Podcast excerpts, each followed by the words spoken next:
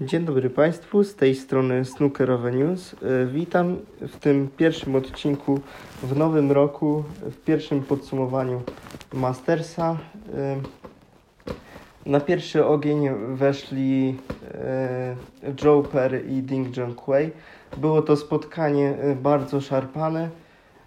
No cóż, pierwszą partię trwającą 25 minut zgarnął Joe Perry. Był on dużo bardziej, e, dużo lepiej prezentującym się na przestrzeni całego spotkania zawodnikiem e, i awansował e, do kolejnej rundy, wygrywając z Dingiem Junqueiem e, wynikiem 6 do 3. Jak Ding Junquei sam powiedział, dzisiaj nie kontrolowałem białej bili najlepiej.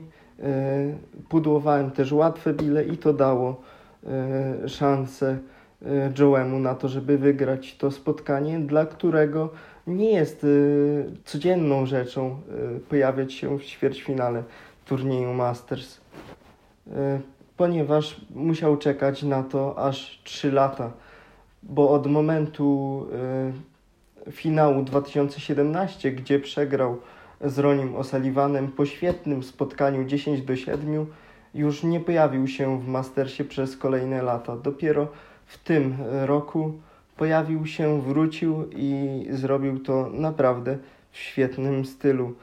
Ale dużo lepsze spotkanie zaprezentowali y, obaj Anglicy. Kolejno Mark Selby i Ali Carter. To y, ten pojedynek można podzielić na dwie części. Y, sesja, y, mini sesja pierwsza, czyli te pierwsze cztery frame, gdzie można powiedzieć, że zawodnicy badali swoje umiejętności, y, na co kogo stać.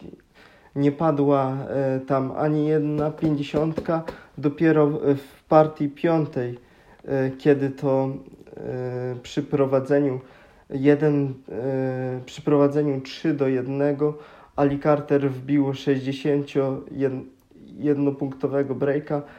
To była pierwsza pięćdziesiątka w meczu i od tego był moment zwrotny całego spotkania, ponieważ Mark Selby wykorzystał moment, że Ali Carter, y, popularny kapitan, nie wbił y, Billy na frame'a i to on, Mark Selby, powrócił breakiem 74-punktowym i od tego się zaczął y, powrót i cały punkt zwrotny tego spotkania.